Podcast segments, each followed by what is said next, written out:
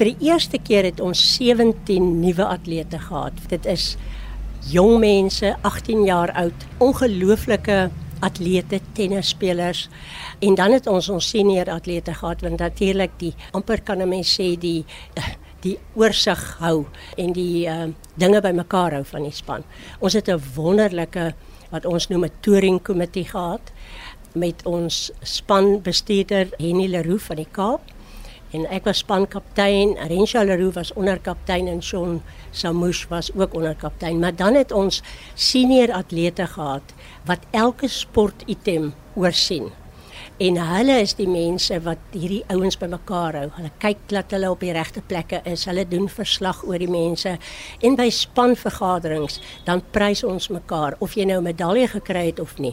Want die eerste doel om daar te wees is om dankie te sê dat jy oorplantinge gekry het vir jou donor, sowel as die geleentheid wat jy het om vir die wêreld te wys wat jy kan doen nadat jy 'n oorplanting gekry het. Hierdie 35 atlete het 9 goue medaljes, 21 silwer en 11 bronsmedaljes teruggebring. So 41 medaljes vir 35 atlete. Ons is nou nie meer onder die eerste top 10 waar ons gewoonlik was nie, maar weens finansiële omstandighede kon van ons medaljewenners in die verlede nie saamgaan nie. Ons praat met Dr. Hailey Uys. Sy was ook die spankaptein van die Suid-Afrikaanse oorplantingsatlete wat na die wêreldspele in Australië gegaan het, Perth, Australië. Maar sy het dit nou nie genoem nie, Hailey. Jy het dit nie genoem nie. Jy het self 3 goud en 2 silwer ingehoes. Jy weet my ouderdomsgroep is nou 70 tot 79 en ek het die prestasie behaal om die oudste atleet in die span te wees. So ek het eintlik meer trots daarop as wat al die medaljes is. Maar ek het uh, silwer medaljes gekry in golf en in spiesgooi en dan goud het ek gekry in gewigstoot en diskus en balgooi en dan was ek ook geseënd om twee wêreldrekords een in gewigstoot en een in diskus te verbeter. 'n Mens besef net hoe ouer jy word, wat 'n ongelooflike geleentheid is dit om net weer eens deel te neem. En ook van my kompetisie ken ek al sedert 2005 van die Kanada spele. Ons kom saam en dan lag ons so vir mekaar want ons het saam oud geword en ons tel en tel ons plooie eintlik. Maar dit was 'n wonderlike geleentheid. Dit gaan nie net oor die medaljes nie, maar dit gaan werklik oor die voorreg om daar te gewees het. Mylie, jy sê jy's die oudste in jou span en dis tussen 70 en 79. Natuurlik wil ek weet hoe oud is jy nou. Mm -hmm.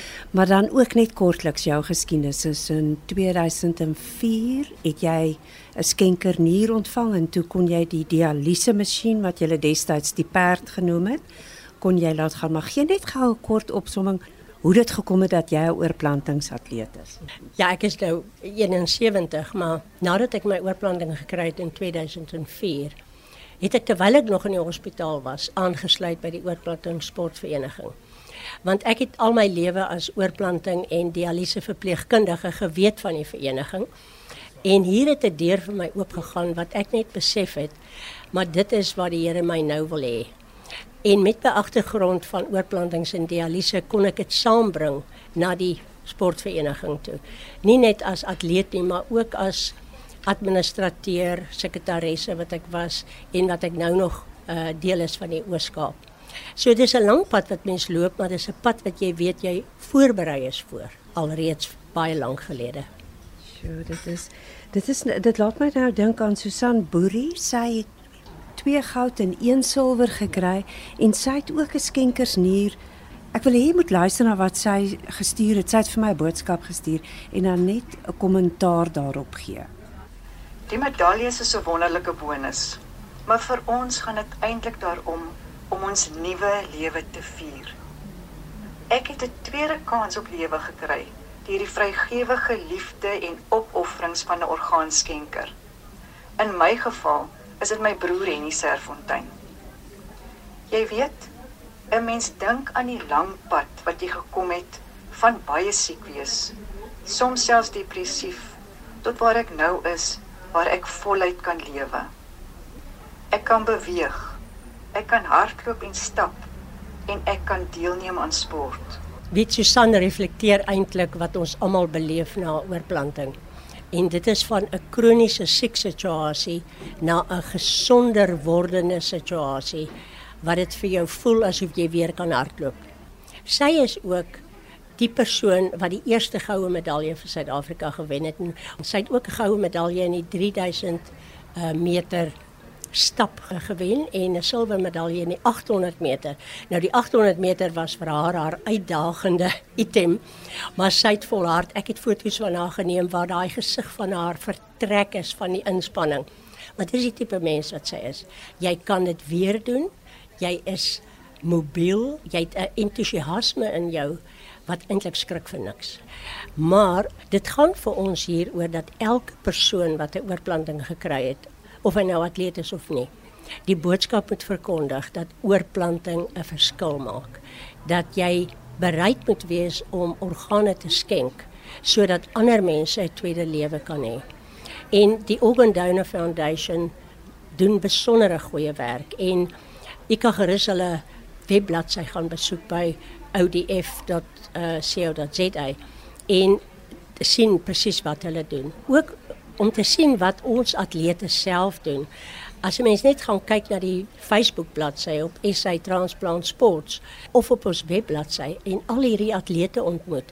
Ons het atlete wat van hulle kleintyd af al saam met ons gekom het. Baie van hulle is leweroorplantings. Een van ons baie goeie tennisspelers het 'n uh, hartoorplanting gekry. Ek bedoel hy's 18 jaar, eintlik is hy 17 jaar oud en hy het 'n hartoorplanting gekry en hy het 'n goue medalje in tennis gekry.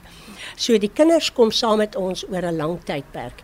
En dan op 'n heel ander trant is jou man Willie is ook baie betrokke. Susan het my vertel dat hy as vise-president van die Wêreldoorplantingsspele Federasie gekies is.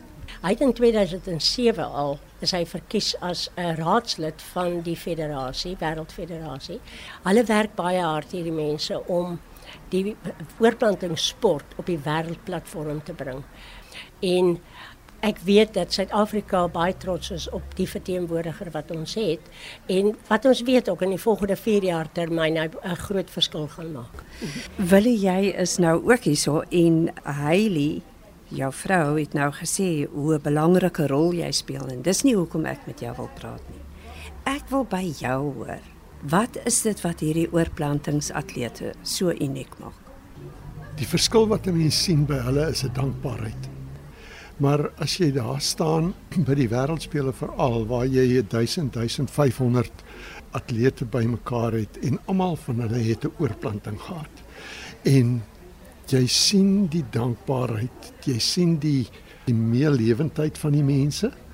Dis wat jou raak en ek dink dis wat hulle verskillend maak aan 'n gewone sportman as ek dit so kan stel. En jy leef nou saam met iemand wat 'n tweede lewe kan geniet danksy 'n nierskenker. Hoe belangrik is die proses om te aanvaar wat met jou gebeur het en dan natuurlik jou tweede kans. As 'n mens kyk na na enige persoon se lewe, dan is daar opdraandes en daar is hekkies wat jy moet oor en baie keer probeer mense om daai hekkie hardloop. Maar mense wat met 'n met 'n oorplanting saamlewe en wat 'n tweede kans gehad het, het 'n heeltemal 'n ander uitkyk op die lewe. Dit is nie meer wat gaan ek die volgende jaar of die 5 jaar of 10 jaar doen nie, maar dis werklik 'n dag vir dag. Jy lewe elke dag ten volle, jy geniet elke dag ten volle en jy's elke dag dankbaar daarvoor.